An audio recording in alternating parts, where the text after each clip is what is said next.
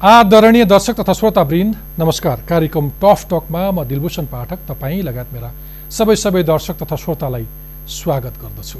हिमालय टेलिभिजनमा बिहिबार राति नौ बजे प्रसारण हुने यो कार्यक्रम तपाईँ टफ टकको आफ्नो युट्युब च्यानलमा टफ टक प्रस्तुतकर्ता इन्टरफेस नेपालको web page interface Nepal dot com र हाम्रो पात्रो एपमा हेर्न तथा आइएस चलाउने श्रोताहरूले आइट्युन्स र एन्ड्रोइड चलाउने श्रोताहरूले नेपाली पडकास्टमा पनि टफ टक सुन्न सक्नुहुनेछ। कोभिड उन्नाइसको सङ्क्रमण समुदाय स्तरमा फैलिएपछि ठुलो स्वास्थ्य सङ्कटको जोखिम उत्पन्न भएको छ। हरेक दिन सङ्क्रमितको सङ्ख्या बढ्दा र अस्पतालको ढोका ढकझक्याउँदा पनि नागरिकले उपचार नपाएर ज्यान गुमाउँदा आम नागरिक त्रसित बनेका छन्। झन्डै चार महिना लामो लकडाउनले अस्तव्यस्त बनेको जनजीवन सामान्य बन्ने क्रममा थियो तर भाइरसको जोखिमले फेरि अत्यावश्यक बाहेकका अन्य सेवाहरू अवरुद्ध हुने अवस्था आएको छ। सबैभन्दा बढी प्रदेश नम्बर दुई विशेष गरी पर्सा जिल्ला सङ्क्रमणको मुख्य हटस्पट बनेको छ। त्यसै गरी पछिल्ला दिनमा काठमाडौँ उपत्यकामा पनि तीव्र रूपमा सङ्क्रमण फैलिरहेको छ। प्रदेश र स्थानीय सरकारहरूले सङ्क्रमितहरूको व्यवस्थापनबाट हात उठाउन थालिसकेका छन्। यता केन्द्रीय सरकारमा भने भयावह स्थितिसँग जुझ्ने कुनै भरपर्दो रणनीति अझै छैन अथवा भनौँ जनता विश्वस्त हुन सकिरहेका छैनन्। सरकारको नेतृत्व गरिरहेका प्रधानमन्त्रीलाई सङ्क्रमितहरूको ज्यान बचाउने भन्दा राम सीताको मन्दिर बनाउने चिन्ताले बढ्ता सताएको नागरिक समाजको आरोप छ। मन्त्री र सत्तारूढ पार्टीका नेताहरूलाई महिनौदेखि आन्तरिक सत्ता लुछाचिडीको खेल खेल्दैमा फुर्सद छैन। गत पुसको अन्तिम साता नेपालमा पहिलो सङ्क्रमणको केस देखिएको थियो। यो सात महिनामा धेरै तयारी गरी अप्ठ्यारो अवस्थाका लागि शक्ति सञ्चय गर्न सकिन्थ्यो। तर सुरुवाती दिनदेखि नै राजनीतिक र प्रशासनिक नेतृत्व स्वास्थ्य सामग्री खरिदको कमिसनको चक्करमा लाग्यो। समयमा स्वास्थ्य सामग्री उपलब्ध भएनन्। सङ्क्रमण रोक्नका लागि नाकाहरूमा प्रभावकारी निगरानी गरिएन। आवश्यक परीक्षणले गति लिएन र सरकारले तोकेका अव्यवस्थित क्वारेन्टिनमा सामान्य स्वास्थ्य उपचार कोरोना परीक्षण र दुई छाक राम्रो खान नपाएर नागरिकले ज्यान गुमाए। जनस्वास्थ्यसँग जोडिएको यति ठुलो सङ्कट किन राम्ररी व्यवस्थापन हुन सकेको छैन भन्ने जनगुनासो सर्वत्र छ। समुदायमा फैलिएको सङ्क्रमण रोक्नका लागि सरकारले के गर्दैछ? उपचार नै नपाएर मानिसहरू मर्नुपर्ने अवस्थालाई हामी कसरी सम्हाल्न सक्छौँ? यति ठुलो स्वास्थ्य र मानवीय सङ्कट आइलाग्दा जनताका लागि काम गर्छौँ भन्ने कम्युनिस्ट पार्टीको सरकार किन सत्ता र शक्तिमा अलमल्लिरहेको छ? के यो सत्ता राजनीतिको खेल खेल्ने समय हो? स्वास्थ्य सामग्री खरिद अनियमिततादेखि व्यवस्थापनमा भएको लापरवाहीको जिम्मेवार को हो? यस्तै प्रश्नको जवाब खोज्न आज मसँग हुनुहुन्छ स्वास्थ्य तथा जनसङ्ख्या मन्त्री भानुभक्त ढकाल। अनेरा सबैको विद्यार्थी राजनीतिबाट आउनुभएका ढकाल दोस्रो संविधान सभामा तत्कालीन नेकपा एमालेको प्रमुख सचेतक दुई हजार चौहत्तर सालको चुनावपछि सुरुमा कानुन मन्त्री हुँदै अहिले स्वास्थ्य मन्त्रालयको जिम्मेवारी सम्हालिरहनु भएको छ। आउनुहोस् स्वागत गरौँ। आजका मेरा अतिथि स्वास्थ्य तथा जनसङ्ख्या मन्त्री भानुभक्त ढकाललाई। मन्त्रीज्यू टकटकमा स्वागत छ। धन्यवाद। तपाईँ आफैलाई त कुनै सङ्क्रमण भएको छैन। आफ्नै प्रोटोकललाई उल्लङ्घन गरेर दुई तिन दिन अगाडि तपाईँ आफै प्रमुख अतिथि भएर अलिकति भिडभाडमा गएको पुरस्कार बाँडेको तस्बिरहरू समाचारहरू देखिएको थियो। हिजोको कार्यक्रमलाई लक्षित गर्न खोज्नु भएको होला। सुरुमा आयोजकहरूसँग कुरो गर्दा यो स्थिति अलिकति नर्मल सिचुएसनमै गएको थियो। र त्यहाँ कार्यक्रम आयोजना गर्दा बिस पच्चिसभन्दा मान्छेहरू धेरै नगर्ने भन्ने नै थियो। गइसकेपछि मानवीय स्वभाव हो। कार्यक्रममा डिस्टेन्स मेन्टेन भएर नै भयो। त्यो कुरामा म अब छ सात महिनै भयो। यसमा अभ्यस्तै भएको हुनाले ठिकै थियो। ठिकै भनेको सयभन्दा बढी बढी थिएन। त्योभन्दा कमै थियो। धेरै मान्छेले उठाउने प्रश्न चाहिँ यो प्रोटोकल अथवा नियम चाहिँ साना मान्छेलाई मात्रै लाग्ने न प्रधानमन्त्री को निवास बालटारमा न नेकपाको सत्तारूढ दलको न बैठकमा त्यो प्रोटोकल फलो गरेको देखिन्छ न मन्त्रीहरूले फलो गर्छन् भनेर आम मान्छेले गुनासो गर्ने। अनि यो चाहिँ आम रूपमा भन्दा पनि स्पेसल अस्पतालको केस भएको हुनाले वीर अस्पतालको वार्षिक उत्सव र यसको वार्षिक उत्सव स्तनपानको एउटा कार्यक्रममा प्रसुति गृह र यहाँ केएमसीमा यति एउटा अब्जर्भेसनमा म गएको छु। म आजको संवाद सुरु गर्नुभन्दा अघि मैले केही बेर अघि स्वयं कोरोना सङ्क्रमण भएर घरमा केही समय आइसियुमा बसेर अहिले आइसोलेसनमा बसिरहनुभएका वीरगन्जका मेयर वीरगन्ज महानगरपालिकाको मेयर विजय सरवीसँग केही कुरा गरेका थिएँ। उहाँको क्लिप हेरौँ अनि संवादलाई अगाडि बढाउँ। महानगरपालिका आफै लागेर केन्द्रलाई अठाइस दिन लगाएर केन्द्रले स्वीकृति पनि दियो। हामी चलाउँदैछौँ एउटा पुरा महानगरपालिकाले चलाउँदैछ। कोभिड हस्पिटल बिरगन्जमा गण्डक हस्पिटल लिएर। सुयोदेखि हरेक कुराहरू हामी व्यवस्थापन गरेका छौँ। जबकि यो जिम्मेवारी केन्द्र सरकारको थियो हामी गऱ्यौँ। आइसोलेसन सेन्टर हामी चलायौँ। क्वारेन्टाइन हामी चलायौँ। पिसिआर मेसिन र सारा सामान पनि किनेर दियौँ। अब एक घरेक जाँच गर्नको लागि पचास हजारको मान्छेको जाँचको लागि पनि हामी तयारी गऱ्यौँ। तर त्यस्ता कुराहरूको लागि पनि केन्द्र सरकारले एउटा पत्रको जाब जवाबसम्म दिएको छैन। हामीलाई काम गर्न दिएको छैन। कसरी नियन्त्रण गर्ने? पटक पटक पत्रहरू लेख्ने काम भएको छ जानकारी गराउने काम भएको छ तर रेस्पोन्सको नाम आजसम्म एउटा पत्रको जवाबसम्म छैन। हो एउटा अठाइस दिन लगाएर हस्पिटल कोभिड हस्पिटलको लागि पत्र आयो। त्यसमा पनि केन्द्र सरकारले आफ्नो जिम्मेवारी कहाँ पन्छ्यो भने सबै आर्थिक र भौतिक व्यवस्थापन वीरगञ्ज महानगरपालिकाले गर्ने गरी इजाजत दिएको जस्तो गरियो। जब सबै व्यवस्थापन हामीले नै गर्नुपर्छ भने किन केन्द्र सरकारको हामीले इजाजत चाहियो त? जब महानगरपालिकाले सबै काम गर्नु थियो भने हामीले चाहिँदैन थियो। प्रदेश सरकारले कमसे कम अलिकति यो हेप्ने प्रवृत्तिबाट जुन कामहरू भयो नि कोरोनाको मामलामा स्पेसली र वीरगञ्ज महानगरपालिकाले जुन तरिकाले पुरा देशभरिकै एउटा उदाहरणको रूपमा हामी प्रस्तुत गर्यौँ कि केन्द्र र प्रदेश सरकारले गर्ने सारा काम हामी गर्दा गर्दा चार महिना हामी सम्हाल्दा सम्हाल्दै पनि। तर लोकल प्रशासन लोकल जुन तरिकाको एउटा सपोर्ट हामीलाई यहाँ केन्द्रबाट सपोर्ट पाउँथ्यो नपाएर मात्र हामी आज वीरगञ्ज महानगरपालिका र त्यो क्षेत्रको समस्या यति ठुलो भ्यावा भएको हो र त्यस्तो हुनै थिएन। अब आउने दिनहरूको लागि हामी दुई तिनवटा काम बहुत जरुरी गर्नु छ। बर्डर हाम्रो हो। हामी बर्डरलाई टाइट गर्न सक्छौँ। ल्यान्डलक कन्ट्री हो। कुनै मान्छे उडेर आउँदैन माथिबाट। पहिलो काम त्यो एकदम सिरियसली गर्नु पर्यो। दोस्रो के गर्नु पर्यो भने आइसोलेसन सेन्टरहरू स्थापना गर्नुपर्ने हुन्छ। जहाँ चाहिँ सिम्टम नभएका मान्छेलाई कमसेकम लगेर राख्न सक्यो। सिम्टम भएका त हस्पिटल बेस राख्नै पर्छ। तेस्रो कुरा हामीले अब के गर्नु पर्यो भने जो जो मान्छेहरू सेल्फ आइसोलेसनमा छन् घर घरमा छन् उनीहरूलाई चाहिँ औषधिहरू घर घरमा पुर्याउनु पर्यो काउन्सिलिङको व्यवस्थाहरू गर्नु पर्यो। त्यसमा महानगरपालिकाले अलिकति सहयोग चाहियो। हामी केन्द्रबाट स्वास्थ्य कर्मीहरू मागेका थियौँ। आजसम्म विनियोगमा गएको छैन। यति भ्यावा स्थिति हुँदाहुँदै केही कमसेकम स्वास्थ्य कर्मीहरू हाम्रो प्लस गराइदिनु पर्यो। र चेक जाँच गर्ने जुन हामी मागेका थियौँ कि घरे जाँच कमसे कम गरौँ कि कोरोना कति समुदायमा गइसक्यो त्यो विगत महानगरपालिकाले आफ्नै खर्चमा जब गर्दैछ भने केन्द्र सरकारले त्यसको इजाजत दिनमा कहाँ समस्या छ? मन्त्रीज्यू त्यस भाषणमै चले जस्तो भयो नि अभिव्यक्ति स्वतन्त्रताका लागि हामीले लडाइँ लड्यौँ र प्राप्त गऱ्यौँ त्यसको भरपुर उपयोग हो भन्ने कुरा नै लाग्छ मलाई व्यक्तिहरूको लोकतान्त्रिक अधिकारमाथि मेरो कुनै टिप्पणी छैन जतिखेर अघिल्लो समयमा वीरगञ्ज लगायत दुई नम्बर क्षेत्रमा पोजिटिभ केसहरू देखिएको थियो सिसिएमसीबाट सुरक्षा निकायसहितको टोली पठाएर सबै आठवटा जिल्लाबाट स्वाब कलेक्सन गरेर काठमाडौँमा परीक्षण गरेर केस निर्धारण गर्ने काम पनि केन्द्र सरकारले नै गरेको छ।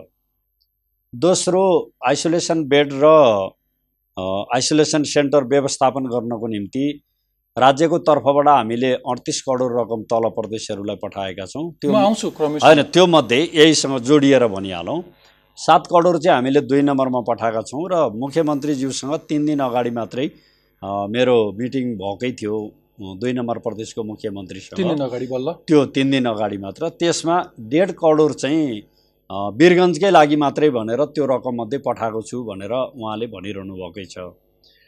तेस्रो अहिले उहाँले जुन अस्पतालको कुरा गर्नुभयो गण्डक अस्पतालको कुरा प्राइभेटलाई नदिने नीति हुँदाहुँदै पनि हामीले नारायणी अस्पताल हाम्रो सङ्घमा रहेको हुनाले त्यसको कोभिड शाखाको रूपमा यसलाई सञ्चालन गर्न स्वीकृति हामीले मन्त्रालयको बाह्रौँ तहको हाम्रो विशिष्ट साथीलाई पठाएर सबै पक्षलाई राखेर त्यो सहमति गरेर हामीले स्वीकृति दिएर आएका छौँ। नारायणी अस्पताललाई कोभिडका बिरामीहरू नहेरेर सर्वसाधारणलाई मात्रै हेर्ने भन्ने त्यहाँको उच्च अदालतको फैसला पनि रहेको छ। र बाँकी अहिले यो पछिल्लो दिनमा जतिखेर उहाँ सङ्क्रमित भएर यता रहनु भएको छ त्यो अवधिमा पनि हाम्रो मन्त्रालयको डिजी त्यहाँ तिन दिन गरेर बस्नुभएको छ टोली लिएर जानुभएको छ।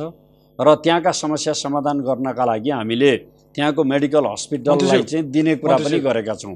मैले यो जम्मै प्रसङ्ग किन उल्लेख गर्न खोजेको भने एक समय थियो हामीले मेसिन वीरगन्ज पठायौँ। तर त्यसका पाठ पूर्जा जनकपुरमा गएर पन्ध्र दिन जति त मेसिन जोडिएन। अब केन्द्रको मन्त्री केन्द्रको सङ्घले मात्रै यी जम्मै कुरा गर्ने भन्दा पनि सामग्री उपलब्ध गराउने कुरा र त्यहाँको यो सङ्क्रमणलाई नियन्त्रण गर्ने कुरामा केन्द्र सरकारको तर्फबाट जे भूमिका गरिएको छ यो प्रति नजरअन्दाज गर्नु हुँदैन। यतिका दिनसम्म कोरोना सङ्क्रमित भएर आइसियुमा बसेर अहिले आइसोलेसनमा बसेका यी मेयरले झुट बोलिरहेका छन्। होइन झुटभन्दा पनि उहाँ त्यहाँ लाग्नु भएकै थियो जनप्रतिनिधि हो स्थानीय उहाँले भने अनुसार त्यो केन्द्रले जे कुरा गरेन भन्ने खालको कुरा गर्नुभयो त्यसमा सत्यता छैन। आफू साक्षी के छु भने वीरगन्जका मेयर विजयजीसँग म गएको तिन महिना चार महिनादेखि सम्पर्कमा छु। मैले गरेका सोजहरूमा उहाँ आउनुहुन्छ र उहाँले अपडेट दिइरहनु भएको थियो। पहिलो सङ्क्रमण भेटिँदै गर्दाखेरि अब कन्ट्याक्ट ट्रेसिङ गर्नलाई हामीलाई अलिकति रिसोर्स चाहिन्छ अथवा प्रदेशको केन्द्रको सपोर्ट चाहिन्छ भन्ने दिनदेखि आजसम्म आइपुग्दा आजसम्म भनेको यो हप्ता त्यहाँका बिरामीले अस्पताल छिर्न पाएका छैनन्। अस्पतालको ढोका ढकढकाउँदा ढकढकाउँदै केही बिरामीहरू मरे। दैनिक जसो मृत्यु भएको समाचार सम्भवतः तपाईँ पढ्नुहुन्छ यसमा बेखबर हुनुहुन्न। अब यसको यसको जिम्मेवारी चाहिँ उहाँले केन्द्रलाई देखाउने तपाईँले स्थानीय सरकार मेयरलाई अथवा प्रदेश सरकारलाई देखाएपछि तपाईँहरूको मैले? मैले मैले जिम्मेवारीबाट पन्थिनँ यो कुरा भनिरहेको छैन मैले मात्रै के कुरा स्मरण गराउन खोजेको छु भने केन्द्र सरकारको तर्फबाट जस्तै क्वारेन्टिनहरूको व्यवस्थापन गर्ने आइसोलेसनको व्यवस्था गर्नको लागि त त्यो अघि मैले उल्लेख गरेको रकम पठाएको हो। त्यसको रिजल्ट आयो? होइन मैले भनेको दुई महिना अगाडि यो कामका लागि व्यवस्थापन गर्ने भनेर सबै ठाउँमा पठाइसकेपछि त्यसको कामको लागि त स्वाभाविक रूपमा त्यहाँको साथीहरू त लाग्नै पर्यो नि परेन। तपाईँले केही सङ्केत चाहिँ पाउनुहुन्छ? भोलि मुलुकको एउटा लाइफ लाइन वीरगन्जमा सङ्क्रमणको यो हालत छ मेयर आफै सङ्क्रमित भइरहेका छन्। त्यो वीरगन्ज भनेको राजधानीबाट नाडा टाढा बिल्कुलै छैन। सबैभन्दा नजिक अझै देशको लाइफ लाइन भन्छौँ। सबैभन्दा बढी आर्थिक कारोबार हुने व्यापारिक केन्द्र हो। मुलुकको मुलुक चल्नका लागि धेरै कर त्यहीँ उठ्छ भन्सार शुल्क त्यहीँ उठ्छ। र सबैभन्दा बढी आइजाइ अरू कुनै जिल्लासँग छ भने त्यो वीरगन्जसँग त्यति नै धेरै छ। र वीरगन्जबाट त्यो सङ्क्रमण काठमाडौँ छिर्यो र अहिले उपत्यका पनि त्यो सङ्क्रमणको जोखिममा छ भन्ने त बुझ्नुभयो होला।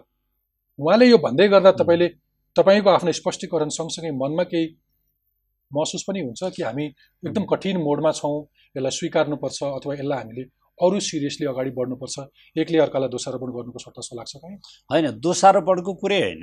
मैले त केन्द्रीय सरकारको तर्फबाट गरेको कामहरूमा यी काम भनेर तपाईँलाई उदाहरण न दिएँ। तर मुलुकको एउटा एउटा एउटा महानगरपालिकाको मेयरले केन्द्र सरकारले मैले पठाएको पत्रको रेस्पोन्ड गरेन म पटक पटक आग्रह गरिरहेको छु रेस्पोन्स भएन म आफू सङ्क्रमित भएँ भनेर भनेको त्यही होइन, दृश्य देखाएँ होइन यसो त्यसमा त उहाँ आउनुभयो यहाँ परीक्षण गर्नुभयो कामकै सन्दर्भमा आउनुभयो।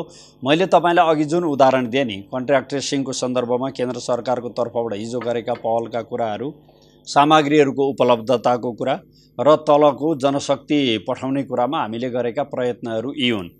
अदालतको कुरा यो अस्पतालको हिसाबले सङ्घको अस्पताल यो हो र त्यसमा हामीले थप व्यवस्थापनमा यो योगदान गरेका छौँ त्यसका लागि गएका छौँ। अब तपाईँले भन्नुभएको अर्को यो पछिल्लो प्रसङ्गको सन्दर्भमा चाहिँ हिजो एक समय थियो कि प्लेनबाट मात्रै सङ्क्रमितहरू आउने खालको स्थिति थियो। पछिल्लो दिन चाहिँ पैदलबाट आउने अथवा दक्षिणतिरबाट आउने खालको कुरा अलिक ब बढिरह्यो। त्यसलाई न्यूनीकरण गर्ने सन्दर्भमा चाहिँ नयाँ गतिका साथ नयाँ योजनाका साथ जानुपर्छ भन्ने कुरामा दुविधा छैन। तपाईँहरूको तयारी के छ? हामीले वीरगन्जले के सङ्केत गर्छ? मेयरको यो बोलीमा के सङ्केत छ? होइन वीरगन्जको यो कुराले हामीले सङ्क्रमित भएका त्यस्ता ठाउँहरूको बारेमा दक्ष जनशक्तिको अभाव हो। हामीले त्यो जनशक्ति उपलब्ध गराउनुपर्छ। सामग्रीहरूको अभाव छ त्यसमा हामीले त्यो कुराको व्यवस्थापन बिरामी गर्नु हस्पिटलहरू नपुगेको ठाउँमा त हामीले त्यहाँको मेडिकल कलेजलाई हिजै मात्रै पनि तिन सय बेडको लागि निर्देशन दिइसकेका छौँ। ते त्यताबाट रिकभर गर्न सकिन्छ। आइसोलेसन सेन्टरलाई विस्तार गर्ने खालको कुरामा केन्द्रको तर्फबाट मूलत त्यो प्रदेशको मातहत नै रहे पनि त्यसमा हाम्रो योगदान रहन्छ। त्यसमा हामीले योजना बनाएर लागेका छौँ। युनिटमा भन्न मिल्छ? सङ्ख्यामा? कति आइसोलेसन कति बिरामीका लागि आइसोलेसन छ तपाईँहरूसँग? कति कति आइसियु छ कति भेन्टिलेटर छ? हिसाब अहिले अहिले जुन हिसाबको सङ्क्रमणको सङ्ख्या बढ्दो छ। तपाईँहरूले कुनै एनालिसिस गर्नुभएको छ कि अबको आउने हप्ता अथवा आउने महिना यसरी बिरामीको सङ्ख्या बढ्छ? हामीलाई चाहिन सक्ने आइसोलेसन सेन्टर यति हो यति बेड यसले पुग्छ पुग्दैन भन्ने त्यही तयारी छ? यस्तो छ आइसोलेसन सेन्टरको लागि प्रदेशलाई जिम्मेवारी बनाएर हामीले यहाँबाट कोअर्डिनेसन गर्ने र सहयोग गर्ने हो। क्वारेन्टिन र तलको व्यवस्थापनको सन्दर्भमा स्थानीय तहको सरकारहरू परिचालित हुने हो।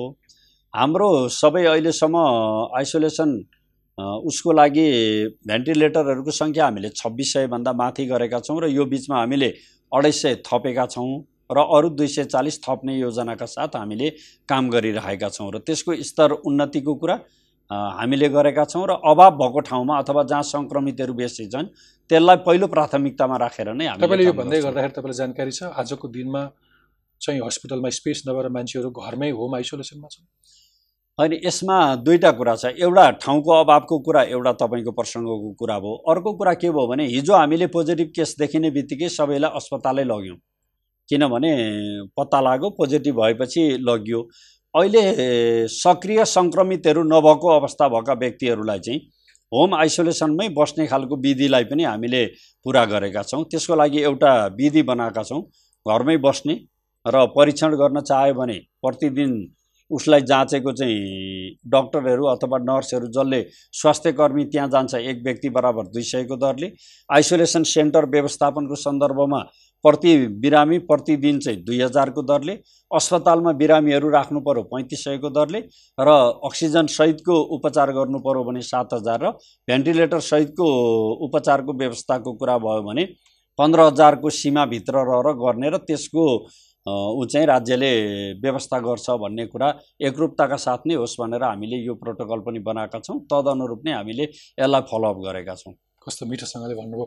तर म हिजो मात्रै एउटा समाचार पढिरहेको थिएँ कि काठमाडौँ स्थित इपिडेमियोलोजी तथा रोग नियन्त्रण महाशाखाका डाइरेक्टर डाक्टर वासुदेव पाण्डेजीको कार्यालयमा कुनै पत्रकार गरेर स्थगल रिपोर्ट स्थलगत रिपोर्टिङ गरिएको थियो।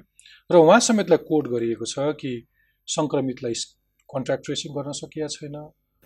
होम आइसोलेसनमा बस्ने मान्छेलाई अत्यन्तै धेरै असहज श्वास प्रश्वासमा समस्या आएपछि उसलाई कुनै एम्बुलेन्सबाट उठाएर हस्पिटल उपचारका लागि लान सक्ने अवस्था छैन। अझ भनौँ काठमाडौँका कुनै पनि हस्पिटलमा अहिले बिरामी जाने स्थिति छैन सबै भरिएका छन्। योबारे जानकार हुनुहुन्छ मन्त्रीज्यू तपाईँ? होइन यस्तो छ। अब जानकार नहुने भन्ने त विषय नै रहेन किनभने यसरी त्यहाँ- भन्दै हुनुहुन्छ त्यही- कि होइन, कुनै समस्यै त्यही- छैन त्यही साराका सारा सम्बोधन होइन, भए जस्तो त्यही गरेर भन्दै मन्त्रालयको। नेतृत्व गरिरहेको छु। बिहानदेखि बेलुकासम्म यही कार्यमा नै संलग्न छु। पत्रकार साथीहरूको रिपोर्टिङ पनि अब स्थलगतै होला। अब हाम्रो डाक्टर साहबले भन्नुभएको विषय पनि उहाँले पनि स्पष्टीकरण दिनुहोला। त्यसको बारेमा पनि किन होइन? किन बोल्ने होइन? यो कारणले यस्तो भएको भन्ने कुरा त अझ विषय विज्ञको हिसाबले हामीभन्दा ह्युमन रिसोर्स छैन मान्छे छैनन् अरे। त्यहाँनिर। एकजना मान्छे म तपाईँलाई भनिदिन्छु एकजना मान्छेले कन्ट्राक्ट ट्रेसिङको पछि लाग्दा लाग्दै खल्तीको आफ्नै खर्च हाल्नुपर्छ। आफ्नो मोबाइलबाट कल गर्नुपर्छ र स्टाफले। स्टाफ पर्याप्त छैनन्।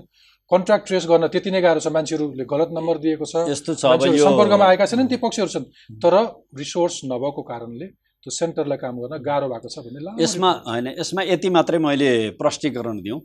अब सूचना दिने ठाउँ त आफ्ना आफ्ना हुन्छन् हो, लागेको। सूचना दिन पाइने भयो सत्य के हो भन्ने कुरालाई ती सूचनाले पनि तथ्यका आधारमा सत्य पत्ता लगाउनका लागि सहयोगै पुग्छ भन्ने मलाई लाग्छ। हामीले प्रत्येक गाउँपालिकामा एउटा नगरपालिकामा दुईवटा उपमहानगरपालिकामा तिनवटा र महानगरपालिकामा पाँचवटा टिम बनाएर एउटा टिममा तिनजनाको टोली बनाएर हजार पचास हजार पचहत्तरवटाको टोली चाहिँ यो कन्ट्र्याक्ट ट्रेसिङको निम्ति गर्ने। त्यसको निम्ति चाहिने दक्ष जनशक्तिको पूर्ति गर्ने कुरामा सामग्रीहरूको अभाव नहुने गरी यो कार्यलाई अगाडि लाने भन्ने नीतिगत रूपमा हामीले त्यो निर्णय गरेर अहिले तपाईँले नाम लिनुभएको डाक्टर साहबले नेतृत्व गरेको संस्थालाई नै यसमा क्रियाशील बनाइराखेका छौँ। अब मन्त्रालयको तर्फबाट नीतिगत हिसाबमा र अरू राज्यभरिको यो कामलाई फलोअप गर्ने कुरामा यो अभाव हो भन्ने खालको कुरा हामी कहाँ आइपुगेको छैन। हामीले त्यो खालको नीतिगत व्यवस्था गरेर गरेका छौँ। यदा कदा काम गर्ने खालको सन्दर्भमा केही इररै भएनन् त्यो दाबी त मैले गर्दिनँ। ठिक छ। होइन अलिकति अलिक अलिक अलिक अलिक सिरियस भएर कुरा गरौँ भन्दैछु मेरो आग्रह के भने सङ् तपाईँहरूले अस्तिसम्म कम्युनिटीमा ट्रान्समिसनै छैन। सम्भवतः आफ्नो कमजोरी देखिन्छ होला भन्ठानेर होला तपाईँहरूले स्वीकार्नु भएन कि समुदायमा कुनै सङ्क्रमण फैलिएको छैन समुदाय स्तरमा छँदै छैन भनेर भन्नुभयो।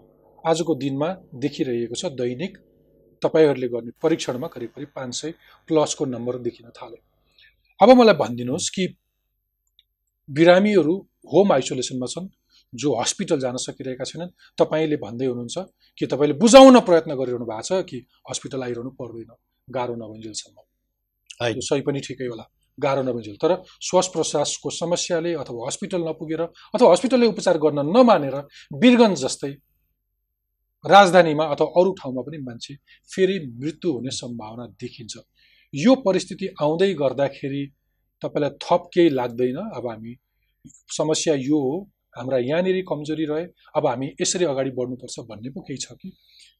होइन उपचार गर्ने खालको हामी कस्तो खालको जोखिममा छौँ? कहीँ स्वीकार्न सकिन्छ। होइन यसो जोखिम त जोखिममै छौँ हामी। महामारीको सुरुवातदेखि हामी मात्र होइन विश्व नै यो रोगबाट आक्रान्त नै छ। त्यसको सामना गर्न आफ्ना आफ्ना सामर्थ्यका साथ मान्छेहरू देशहरू शक्तिहरू सबै लागेकै छन्।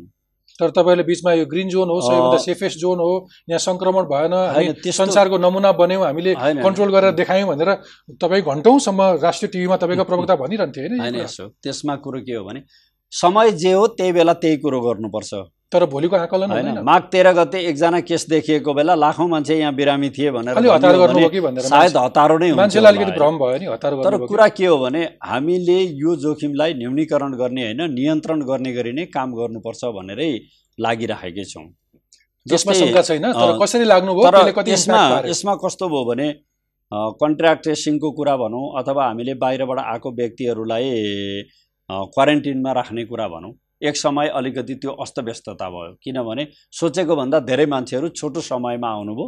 हाम्रो सीमित साधन स्रोतहरूको कारणले गर्दाखेरि हामीले उपयुक्त ढङ्गको व्यवस्थापन गर्न सकेनौँ। तर त्यो त्यो त्यो सङ्ख्या देखाएर पनि भाग्न पाइँदैन। होइन, पाइँदैन। त्योभन्दा अगाडि न्यून दुई चारजना मान्छे मात्रै आउँदाखेरि दुई चारजना मान्छे मात्रै सङ्क्रमित हुँदाखेरि पनि तपाईँहरू फोन लागेन भनेर बस्दै हुनुहुन्थ्यो। त्यो सङ्क्रमितहरूलाई ट्रेस गर्न त्यस्तो होइन। हामीले हाम्रो ठाउँबाट गरेका पहलहरू हामीले आफ्ना ठाउँबाट गरेका छौँ. अब यो पहलहरू त्यहाँबाट गरेका र बाहिरबाट हेर्दाखेरि अझ यति गरिदिएको भए पनि हुन्थ्यो भन्ने शुभेच्छाप्रति म सकारात्मक नै छु होइन तर होइन त्यसले त्यसले भाषाको हिसाबले यसलाई। यसलाई शब्दजाल नगरौँ अन्त नबढौँ मेरो सिधा प्रश्न मेरो सिधा? प्रश्न।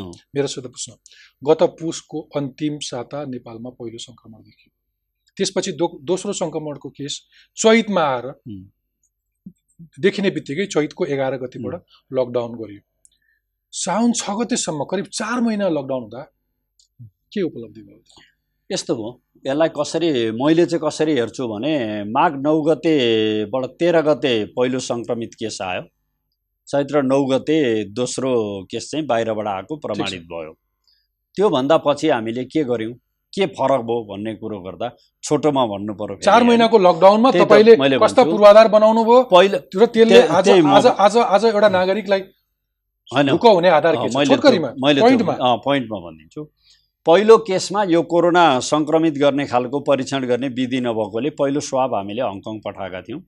र हङकङको ल्याबबाट यो कोरोना पोजिटिभ हो भन्ने प्रमाणित भएको थियो भने आज हामीले सरकारी बत्तिसवटा ल्याब मुलुकभरि स्थापना गरेका छौँ। छवटा प्राइभेटलाई पनि गरेका छौँ।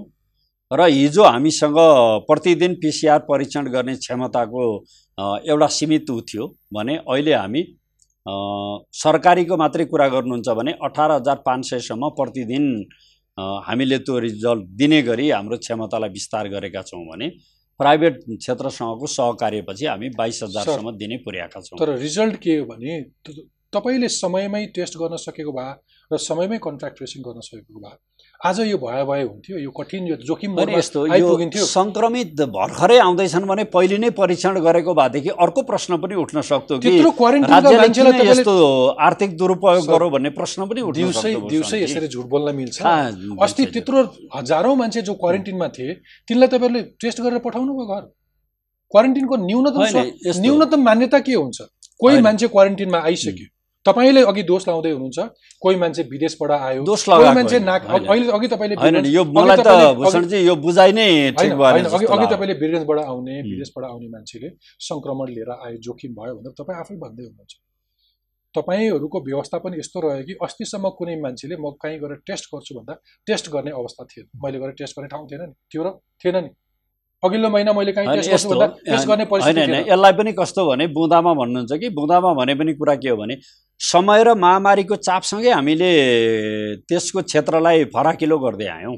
हिजो एउटा समय थियो विदेशबाट आएको सङ्क्रमित भएको त्यसको कन्ट्याक्टमा रहेको र परिवारको मान्छेहरूलाई गर्ने भनिएको थियो भने अहिले हामीले त्यो दायरा बढाएर यस्तो नि यहाँ त तपाईँले के भन्नु भने रोगको पछि पछि गस्तो गर्नु तर टाठा मुलुकहरू रोगभन्दा अगाडि गए र उनले प्रिकसन्सहरू अप्नाए। होइन विदेशीहरूको सावधानी अप्नाए। होइन यसो अरूको उदाहरण दिएर यहाँको हाम्रो ठिकै छ। हाम्रो पूर्णता प्राप्त नभएको कुरामा कुनै सन्तुष्टि नलिउँ। त्यो त नगरौँ। तर शक्ति तर शक्ति। सम्पन्न र राम्रै राष्ट्रहरूले पोजिटिभ केस भएकालाई अस्पताल प्रवेश गर्न नदिएको बेला हामीले गाउँ समाजमा कहाँ पोजिटिभ केस छन् भनेर खोजी खोजी पत्ता लगाएर उपचार गरेको दृष्टान्त पनि त हामीले देख्न। सक्नु पर्यो। बिल्कुल छ। केही केही होला। छैन। तर लार्जर त तपाईँ फेरि सङ्क्रमण त फैल्यो नि त। होइन। यो- त महामारी छ। विश्वव्यापी रूपमा छ भनेदेखि एउटा हामीले मात्रै फैलिएको हो त। अघि- तपाईँले मलाई दोष लाग्यो तपाईँले पनि विश्वव्यापी भनेर कहाँ जोगिन पाइन्छ? हामी कहाँ त तपाईँलाई त यति धेरै समय थियो यति धेरै स्पेस थियो कि गऱ्यौँ नि त्यही भन्दैछु। पुर्याइयो। आज।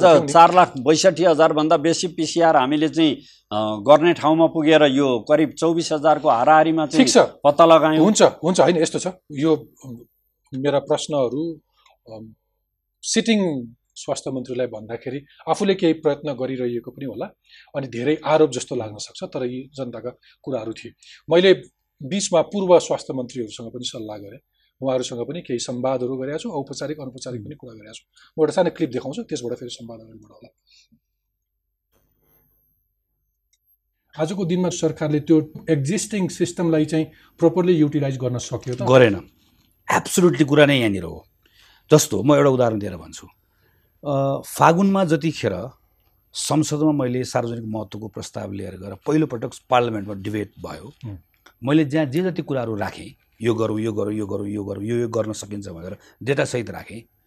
मैले त्यो राख्दै गर्दाको सबै कुराको मेरो त्यो मैले प्रस्तुत गरेको डेटाहरूको आधार के थियो त भन्दा मैले कोसँग गफ गरेको हो। र त्यही स्वास्थ्य मन्त्रालयभित्रकै भएकै मैले चिनेकै मानिसहरूसँग गफ गरेको हो। मैले पन्ध्र दिन मेहनत गरेँ उहाँहरूसँग कुराकानी गरेँ उहाँहरूको कुरा सुने। मलाई त्योभन्दा बाहिर स्वास्थ्य मन्त्रालयभन्दा बाहिर भएका तर जोसँग ज्ञान छ। मैले उनीहरूसँग कुराकानी गरेँ र त्यो सबै कुरा गरेर कतिवटा मेसिन छ कतिवटा टेस्ट गर्न सकिन्छ दिनमा। मैले त्यो बेलामा प्राइभेट टेस्ट गर्न सकिने ल्याबको नाम लिएर पार्लियामेन्टमा गएको थिएँ। जुन अस्ति भर्खर पाँच दिन अगाडि सात दिन अगाडि खुल्यो। हुँ। कति कति भन्दा मैले फागुनको चौध गते दर्ता गरेको। प्रस्तावमा हेर्नुहोस् है। त्यो सबै हाम्रो बिचमा थियो त्यो। अहिले पनि छ। मैले जम्मा गरेका कुराहरू त सबै ती वरिपरि उपलब्ध कुराहरू हुन् नि त। मैले त्यो बेलामा भनेको सम्झन्छु इन्टरनेसनल फ्लाइटबाट आएको मानिसहरूको सबैको रेकर्ड यसरी यसरी राखौँ। अहिलेको नयाँ एड्रेस हामीलाई चाहिन्छ किनकि हामीलाई कन्ट्याक्ट ट्रेसिङ गर्न चाहिन्छ भनेर मैले भनेँ। पछि जब केसेसहरू आयो कन्ट्याक्ट ट्रेसिङ गर्ने फार्म कहाँ पुग्यो भनेर मैले एयरपोर्टमा गएर बुझेर मैले फार्मको कपी ल्याएँ। सोध्दै गर्दाखेरि चाहिँ त्यो फारम बनेर कसले छाप्ने र छापेर कसले वितरण गर्ने भन्ने कुराको टुङ्गो नलाग्दै गर्दाखेरि छापेको फारम सबै एयरपोर्टको घरमा त्यहीँ बन्द त्यहीँ भएर बसेछ। जसले गर्दाखेरि हाम्रो ए फलानु मान्छे सुरु सुरु तपाईँले या याद भयो त्यत्रो कार्यक्रम गर्दाखेरि याद नै भइहाल्यो। ल फलानु एकजना चाहिँ कटारको एयरलाइन्सबाट आएको मान्छे भेट्यो भनेर भन्दै गर्दा त्यो एयरपोर्टको त्यो प्लेनमा आएको को प्यासेन्जर्सहरू पत्ता लगाउन हामीलाई चाहिँ दस दिन लाग्यो। इट्स नट अबाउट हाम्रो हेल्थ सिस्टम कति राम्रो इट्स अबाउट आवर म्यानेजमेन्ट अहिलेको कुरा। It's about leadership. यो क्वेसन नेतृत्वको यो क्वेसन व्यवस्थापनको। र यो दुइटै कुरामा हामीहरू नराम्रोसँग चुक्यौँ मौका हुँदा हुँदा पनि चुक्यौँ यो बेलामा मैले मेरो सरकारलाई सहयोग गर्नुपर्छ भनेर गएका मानिसहरू कोही पनि त अडचालिस घन्टा राम्रोसँग टिक्न सकेन। तपाईँ चाहिँ डक्टर डक्टर भगवान् कोइरालादेखि हेर्नुहोस् न नयाँ आइडियासमा काम गर्ने नयाँ तरिकाले काम गर्ने मान्छेहरूको लागि त सबको लागि ढोका बन्द भयो। मलाई मन्त्रीजीले बोलाउँदै गर्दा म यति एक्साइटेड भएर म उहाँको उहाँको चाहिँ च्याम्बरमा गएर बसेर मैले चाहिँ करिब करिब एक डेढ घन्टा मैले उहाँलाई आफूले जानेको लागेको जानेको त के भन्नु थाहा पाएको? सबै कुरा मैले उहाँलाई भनेर मैले सुन्नुभयो त्यो को को बेलामा। हुनुहुन्थ्यो? मन्त्रीजी हुनुहुन्थ्यो उहाँको सल्लाहकार टिम थियो सचिवजी हुनुहुन्थ्यो। होइन? मैले आफूले राख्नु पाउँदै गर्दाखेरि। मैले त्यो बेला उहाँलाई भने हामीहरू जस्तो राजनीतिक कर्मी होला अरू अरू माग्रेका मानिसहरू होला यो बेलामा सरकारले त मध्यरातमा आएर बसेर मलाई अथवा अरू कलिग्सहरूलाई ल मैले खजी खगराजी पहिला मन्त्री हुनुभएको उहाँलाई भने ल खगराजी ल तपाईँ ल ल गगनजी तपाईँहरू चार पाँचजना स्वास्थ्य मन्त्री भएको मान्छेहरू ल यहाँ आउनुहोस्। तपाईँहरू यहाँ बसेर तपाईँलाई कुनाको एउटा कोठामा बसेर अथवा तपाईँहरू यहाँ बसेर ल काम गर्नुहोस् अहिले। तिन महिनाहरू थप यहीँ बसेर काम गर्नुहोस् भनेको भए एकछिनलाई मान्नुहोस्। वा अरू कुनै जानेको विज्ञलाई कुन चाहिँ मान्छेले वा भन्नु मन्त्रालय बस्नु भन्नु नि पऱ्यो मैले इक्जाम्पल दिएको। कसले यो बेलामा मेरो सरकारलाई सहयोग माग्दाखेरि कसले गर्दिनँ भन्छ अहिले? एउटा एउटा सानोभन्दा सानो कुरामा पनि कहाँबाट लाभ प्राप्त हुन्छ भनेर हेर्ने। डे वानबाट स्टार्ट भएको छ। अहिले अब अहिले अब अख्तियार दुरुपयोग अनुसन्धान आयोगले छानबिन गरिरहेको होला संसदको लेखा समितिले गरिरहेको छ। मलाई यस्तो लाग्छ एउटा एउ- एउटा मुख्य लिडरसिप। प्रधानमन्त्रीजीलाई मेरो आफ्नो अनुभव उहाँसँग भेटघाट गर्दै गर्दाखेरि मलाई मलाई सबै कुरा थाहा छ। आई नो एभ्रिथिङ भन्ने उहाँलाई लागेको कुरा एउटा यसले गर्दाखेरि काम गरेर उहाँलाई कसैले च्यालेन्ज गरेन। खास गरी स्वास्थ्य मन्त्रालयले च्यालेन्ज गर्नु पर्थ्यो। अहिलेको त यतिखेर स्वास्थ्य मन्त्रीले त तपाईँ बढी नबोल्नुहोस् प्रधानमन्त्री तपाईँलाई साबुन पानी हो कि के हो भने तपाईँलाई थाहा छैन। तपाईँले मलाई पनि थाहा छैन। यो भन्ने मेरो आफ्नो एउटा- बुझ्ने मेरो आफ्नो एउटा ठाउँ छ। भनेर च्यालेन्ज गर्न सक्ने त्यो। न कुरा नहुँदै गर्दाखेरि आई थिङ्क त्यहाँबाट बिग्रियो जस्तो लाग्छ मलाई।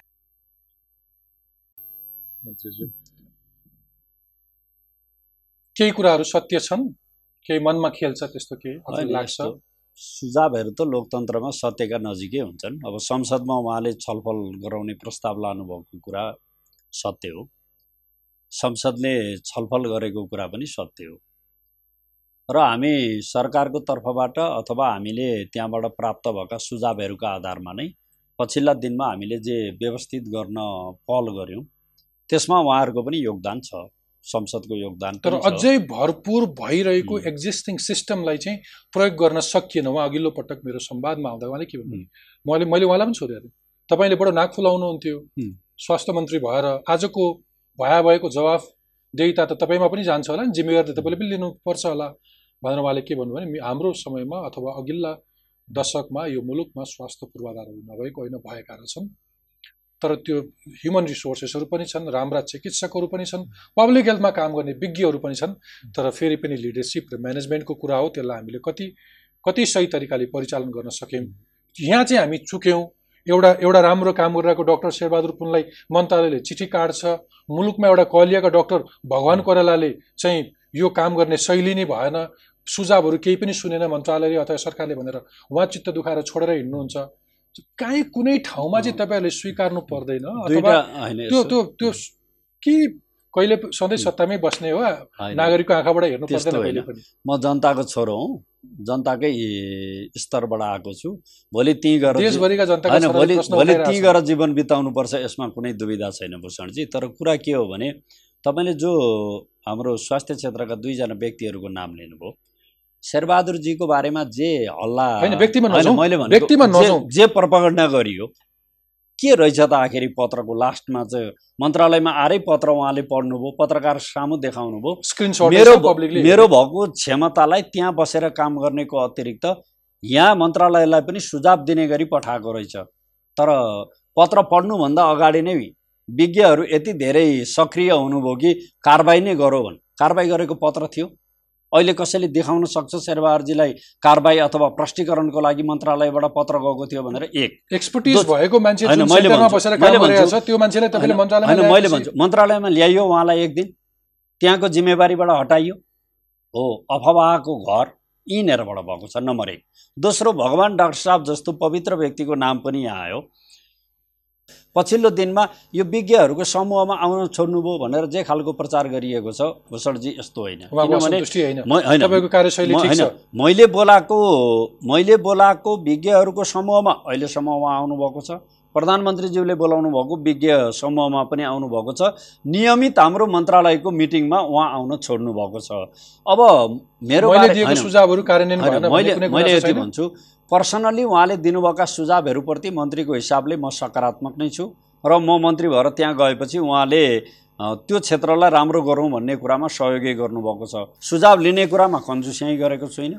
आलोचना गर्ने कुरासँग पूर्वाग्रही साधेको छुइनँ गर्ने राम्रो कुराका लागि जसले जे योगदान आफ्ना ठाउँबाट गर्नुभएको छ त्यसलाई हुन सक्नेसम्म मन्त्रालयको तर्फबाट एज ए लिडरसिपको हिसाबले मैले त्यसलाई सहयोगै गरेको छु। संसदमा भएका कुराहरूले पनि हामीलाई अगाडि बढ्नका लागि सहयोग नै पुर्याएको छ। जहाँसम्म अब व्यक्ति व्यक्तिको बारेमा प्रधानमन्त्रीको अरू भन्ने कुरो त हाम्रो नेपालीहरू सबैले अब कसैलाई केही भयो भने यो गर्दा राम्रो हुन्छ भन्ने आम चलनै छ। अब त्यस्तो धेरै उहाँको जस्तो मसँग ज्ञान पनि छैन कि प्रधानमन्त्रीलाई यो गर यो नगर भन्ने कुरो भन्दा पनि आफ्ना सीमाभित्र रहेर नै हामीले सजेस्ट गर्ने हो।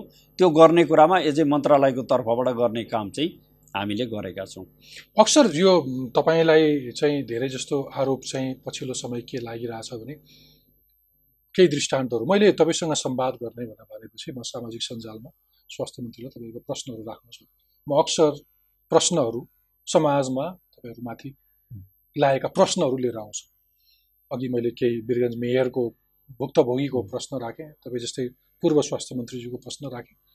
र मेरो सामाजिक सञ्जालमा आएको प्रश्नमा के छ भने धेरैले यो सरकारले अरूको कुरा सुन्नु पर्दैन सधैँ सत्तामै मै बस्छु जस्तो लाग्छ अथवा नागरिकको आँखाबाट हेर्नु पर्दैन। हिजो अस्ति जनता हाम्रो काम नदेख्नेलाई चाहिँ मोतियाबन्दी लागेको छ भनेर गाली गर्नुभयो दुई दिन अगाडि चाहिँ परोपकार परस- प्रसुति तथा स्त्रीरोग हस्पिटलमा गएर चाहिँ मती भ्रष्ट भयो भनेर गाली गर्नुभयो अरू मुलुकहरूमा हेऱ्यो भने चाहिँ फेरि त्यो ताइवान अथवा स्पेन अथवा ट्युनिसियाका स्वास्थ्य मन्त्री अथवा अफिसियलहरू चाहिँ एउटा नागरिक मर्दाखेरि आँसु बगाउँछन् पीडा बोध गर्छन् अथवा आम नागरिकप्रति एउटा सहानुभूति देखाउँछन्। तपाईँको समयमा क्वारेन्टिनमा एउटा मान्छेले राम्रो गतिलो खाना नपाएर डक्टरलाई देख्न नगएर अरू रोग लागेको मान्छेहरू मरे। मान्छे मरिसकेपछि बल्ल ऊ कोरोना पोजिटिभ छ भनेर तपाईँको रिपोर्ट आउँछ तपाईँको पिसिआर सिस्टम त्यति स्लो छ। यो सबै कुरा स्वीकार्ने चाहिँ होइन तर उही नागरिक त्यो नागरिक समाजलाई चाहिँ उल्टो जवाब दिएर गाली गर्दा मात्रै पुग्छ। के तिनीसँग हातेमालो गर्नुपर्छ तिनीसँग साझेदारी गरेर अगाडि बढ्नुपर्छ? यो धेरै राम्रो प्रश्न गरिदिनु भयो भूषणजी। मेरो भनाइ यसमा यति मात्रै छ कि यो मोतियाबिन्दुको उदाहरण वीर हस्पिटलको वार्षिक उत्सवको कार्यक्रममा मैले बोलेको छु। अब त्यो शब्दको कुरो भन्दा पनि त्यो कन्टेन्टमा हेरिदिनु भयो भने त्यो पछिका आलोचना भयो भने म शिर निहुर्याएर नै त्यसलाई स्वीकारौँला मात्रै त्यो प्रसङ्गमा मोतियाबिन्दुको कुरो के आएको हो भनेदेखि समाजमा हामीले सीमित साधन स्रोतका बावजुद गरेका सकारात्मक कुराहरू पनि देखौँ जस्तै हामीले पिसिआर यति गरेका छौँ दक्षिण एसियामा हाम्रो यो रिपोर्ट चाहिँ राम्रो हो। क्लिप पनि खोजौँ होइन? मृत्यु दरको हिसाबमा हाम्रो चाहिँ अरूको भन्दा हामीले कममा यसलाई जोखिमलाई राख्न सकेका छौँ। सङ्क्रमणको हिसाबले हाम्रो हिजो एउटा प्रक्षेपणको जहाँ थियो त्यहाँभन्दा हामीले कममा रोक्न सकेका छौँ। यी गरिएका हाम्रा पनि साझा प्रयत्न हुन् यिनीहरूलाई देखौँ। यिनीहरूलाई पनि देखिएन भने के हामीलाई मोतियाबिन्दु लागेको छ भन्ने अर्थमा। भनिएको कुरालाई जनतालाई यो भन्यो भन्ने कुराको बारेमा पनि अस्- अस्ति त्यो मती भ्रष्ट चाहिँ आफू चाहिँ सही अरू सबै होइन अब त्यो भनेको यो मती मती भ्रष्ट भन्ने कुरा हो। मती बिग्रिएकाहरूलाई मती सुध्रिनका निम्ति पनि यो उसले चाहिँ शुभकामना दिने सन्दर्भमा मेरो भनाइ हो। त्यो भनेको चाहे घरभित्रका हुन् चाहे बाहिरका हुन् यो कोरोनाको विरुद्ध यत्रो हामी महामारीका विरुद्ध लडिरहेका छौँ बाढी पीडितले यति भएको छ सीमाहरूका समस्या भएको बेला। यस्तो बेला चाहिँ हामीले चाहिँ पार्टी दल धर्म लिङ्ग क्षेत्र यी कुराभन्दा साझा शत्रुका विरुद्ध लड्ने कुरामा चाहिँ मती बिग्रिएकाहरूको पनि मती सुध्रियोस् भन्ने खालको प्रसङ्गमा मती बिग्रिएका भनेर आरोप लगायो भन्ने मात्रै कुरा हुँदा त्यो एउटा प्रसङ्ग भनेपछि। ओके त्यसो भए मती क कसको बिग्रियो तपाईँको पार्टीका सदस्यहरूको तपाईँको मन्त्रालयको तपाईँका आफ्ना टिमका मान्छेहरूको अस्ति चाहिँ यो स्वास्थ्य सामग्री खरिद घोटालामा इन्भल्भ हुने तपाईँको आफ्नै कमिटीका सदस्यहरूको क कसको मती बिग्रेको छ अहिले भन्नुहोस् यस्तो। मती बिग्रियो भन्ने कुरा महामारीलाई न्यूनीकरण गर्नेको कुरा भन्दा। अहिले त्यतातिरबाट विषयान्तर गरेर त्यसलाई बल पुग्ने खालका गतिविधिमा जो जो जुन जुन स्तरमा संलग्न हुनुहुन्छ त्यति त्यति मती बिग्रिएको भन्ने मेरो परिभाषा तपाईँ। आफै विषयान्तर हुनुभयो यता कोरोनातिरै फोकस भइहाल्थ्यो नि होइन मैले त्यही भने नि कोरोना महामारीका विरुद्ध लड्नुपर्ने राष्ट्रिय सङ्कल्पको बेला चाहे मेरो घरभित्रका हुन् चाहे मेरो छिमेकीहरू हुन् चाहे मसँग सँगै हिँडेका हुन् चाहे मै हुँ। कृष्ण जन्माष्टमीको दिन प्रार्थना गर्नुभएको थियो तपाईँले त्यो। कृष्ण अष्टमीका दिन सबैलाई यो शुभकामना दिएको हजुर मैले। ओके। अनि यो बिचमा त्यो मती भ्रष्टहरूको लिस्ट पनि बनाउनु भएको छ। को को ओम्नी को यो स्वास्थ्य सामग्री खरिद घोटालामा इन्भल्भ भए कसले तपाईँको नाकमा फोहोर दल दियो अथवा कसले तपाईँको मन्त्रालयलाई बदनाम गर्यो अथवा यसरी यो यो राष्ट्रिय विपत्तिका विरुद्ध लागिरहेको स्वास्थ्य मन्त्रीलाई पनि जिम्मेवारी बनाउनु पर्ने स्थिति आयो नि जिम्मेवार बन्ने स्थिति आयो यस्तो छ। यसमा स्वास्थ्य मन्त्रालयभित्रका व्यतिथिहरूको पहिचान पनि गर्नु नै पर्नेछ। त्यसको शुद्धिकरणको पनि एउटा समय आउँछ। सधैँभरि महामारीबाट मात्रै यो मुलुक गुज्रिँदैन भन्ने विश्वास मैले लिएको छु। अब जहाँसम्म यो स्वास्थ्य सामग्रीहरूसँगको प्रकरणको विषय छ यो चाहिँ त्यतिखेर परिस्थिति अहिलेको आजको सन्दर्भबाट हेर्ने कुरो भन्दा चैत एघार गतेको दृष्टिकोणमै त्यो विषयलाई हेर्नुपर्ने चैत एघार गते नै। हेर्दाखेरि पनि त्यो जुन प्रक्रियाले दियो ढङ्ग। नपुर्याइकन एउटा निकटस्थ मान्छे अथवा एउटा बिचौलिया जस्तो मान्छे सम्पर्कको आधारमा जुन दियो खुल्ला प्रतिस्पर्धा नगरिकन उसले कोड गरेको रेटहरू जुन महँगो आयो त्यसै त्यसै तपाईँहरूलाई आम नागरिक समाजले त्यसमा यस्तो छ त्यसमा एउटा हाम्रो क्याबिनेटको नौ गतेको बैठकले सङ्क्रामक रोग ऐन अन्तर्गतको सामग्री खरिद गर्ने खालको कुरालाई हामीले एउटा नीतिगत क्लियारिटी दिएका छौँ। चैत्र एघार गते यो उच्च स्तरीय हाम्रो समितिको बैठकबाट चारवटा निर्णय भएको छ एउटा सूचना सार्वजनिक गर्ने आकामध्ये सहमति गर्ने पन्ध्र गतेभित्र पिपिई लगायतका सामग्रीहरू ल्याउने र त्यो ल्याउने कुरामा ढुवानीको समस्या भयो भने नेपाल सरकारको तर्फबाट सहजीकरण गर्ने भन्ने निर्णय भए मुताबिक त्यो काम तर कस्तो। निर्णय गर्नुभयो त पछि त विवादास्पद भयो तपाईँले त्यो सामान प्रयोग नगर्नुपर्ने स्थिति आयो फेरि प्रयोग गर्नु पर्यो अहिले तपाईँ संसदको लेखा समितिमा धाइरहनु भएको छ भ्रष्टाचार भएको यस्तो छ मुद्दा परेको छ। यस्तो छ कस्तो। निर्णय? होइन यस्तो छ यसमा के छ भने त्यो पछि हामीले सामग्री ल्याउन जे प्रक्रिया गऱ्यौँ त्यो प्रक्रियाको बारेमा मुलुक अवगत नै छ त्यसका बारेमा उठेका प्रश्नको जवाफदेहिताबाट हामी पन्छिँदैनौँ। किनभने जुन ठाउँमा जे प्रश्न उठेको छ त्यसमा अनियमितता भएको छैन व्यथिति भएको छैन र जुन प्रश्नहरू आएका छन् त्यसको निदान। अहिले तपाईँले नै भन्नुभयो संवैधानिक निकायहरूमा पनि अध्ययनकै क्रममा छ संसदमा पनि अध्ययनकै क्रममा छ। त्यतिले चित्त बुझेन भने अदालतका ढोकाहरू पनि खुल्लै छन् अख्तियार त्योभन्दा पनि- अध्ययन अख्तियार अनुसन्धान आयोगले छानबिन पनि गरिरहेको होइन त्योभन्दा ठुलो कुरो भनेको त के हो भने स्वयं त्यसमा संलग्न भएका व्यक्तिहरूले मैले ठिक गरेँ कि बेठिक गरेँ भन्ने कुरो आफ्नै मनलाई जवाफ पनि त छँदैछ भने यी सबै प्रश्नको जवाफ चाहिँ समयले दिन्छ। समयले। समयले दिन्छ। यो दस अर्बको खर्च आयो। हो यो पनि अर्को एउटा विषय। हो कि दस अरबको खर्च भनेको मान्छेहरूले के बुझ्नुभयो भने जे भए पनि त्यसो खर्च आयो होइन। त्यो खर्च अहिले तल पठाइएको यो प्रक्षेपण गरिएको कुरा हो। अब त्यो खर्च त तलबाट आउँछ जुन अहिले रकम निकासा भएको छ विभिन्न मन्त्रालयहरूसँग सम्बन्धित छ हाम्रो स्वास्थ्य मन्त्रालयमा पठाएको हामीले त्यसको कुनै। विधि छ नि जस्तो लेखा विधि समिति छ। लेखा समितिले पनि आफ्नो विधि सम्बद्ध तरिकाले तपाईँहरूसँग विवरणै माग्यो नि। माग्यो। माग्नु पर्यो नि। पर्यो। मान्छे लेखा समितिले पनि त्यसै त मागेन तपाईँसँग। होइन हामीले विधि पुऱ्याउनु हामीले विवरण पठायौँ उसले जसलाई बोलाएको छ त्यसले गरेर सहयोग गरेका छौँ अरू बोलाउँदा अरू गरेर सहयोग गर्छौँ। यो उसमा पनि अब साउन एक गतेबाट अडिटको प्रक्रिया हुन्छ। महालेखाले अडिट गर्छ। राज्यको सम्पत्ति हो एक रुपियाँ एक पैसा पनि तलबितल गऱ्यो भने त्यस्तो व्यक्तिहरू दण्डको भागीदार हुनुपर्छ। त्यसलाई राज्यले कारवाही गर्नुपर्छ त्यसमा के कन्फ्युजन छ र? निसन्देह यसमा कुनै भ्रम अन्यलताको प्रश्नै छैन।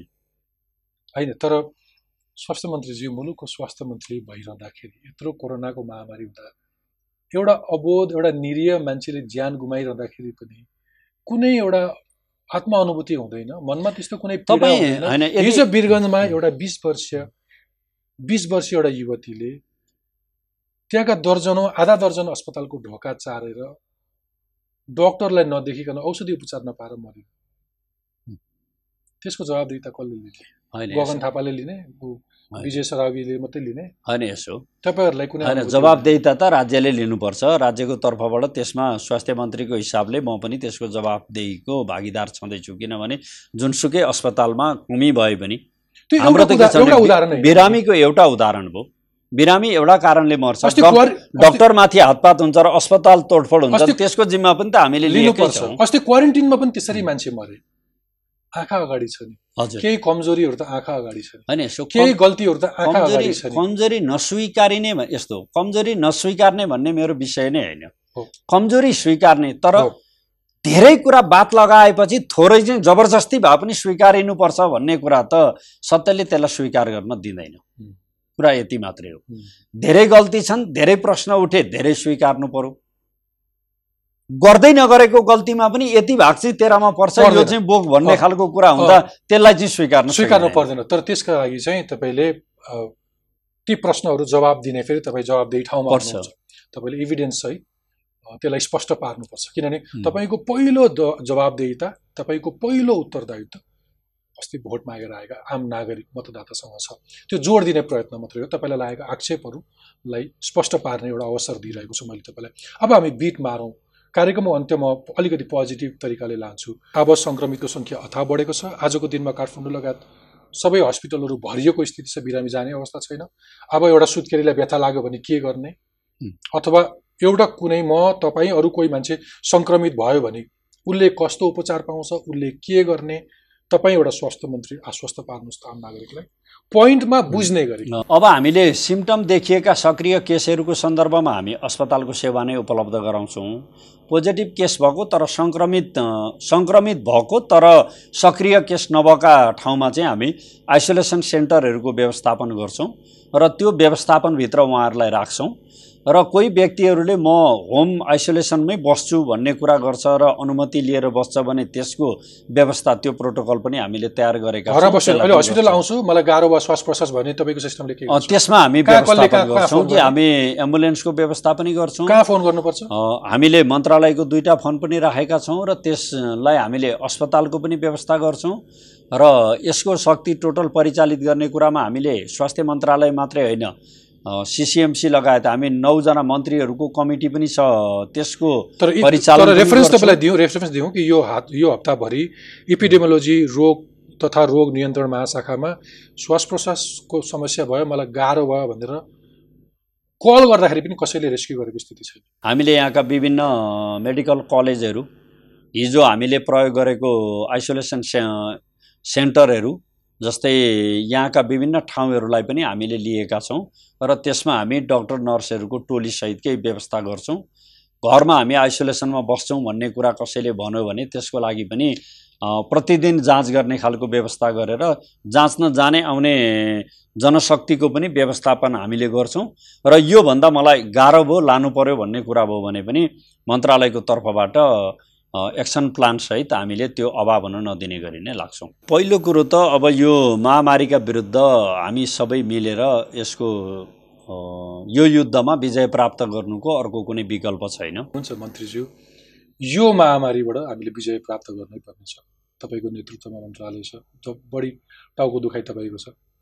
तपाईँको यो जिम्मेवारी पुरा गर्न अरू सफलताका लागि कामना गर्छु र समाजका सबै पक्षबाट सहयोग पनि होस् र तपाईँको काम अरू प्रभावकारी बनेर थ्याङ्क यू सर महत्त्वपूर्ण समय र विचारका लागि।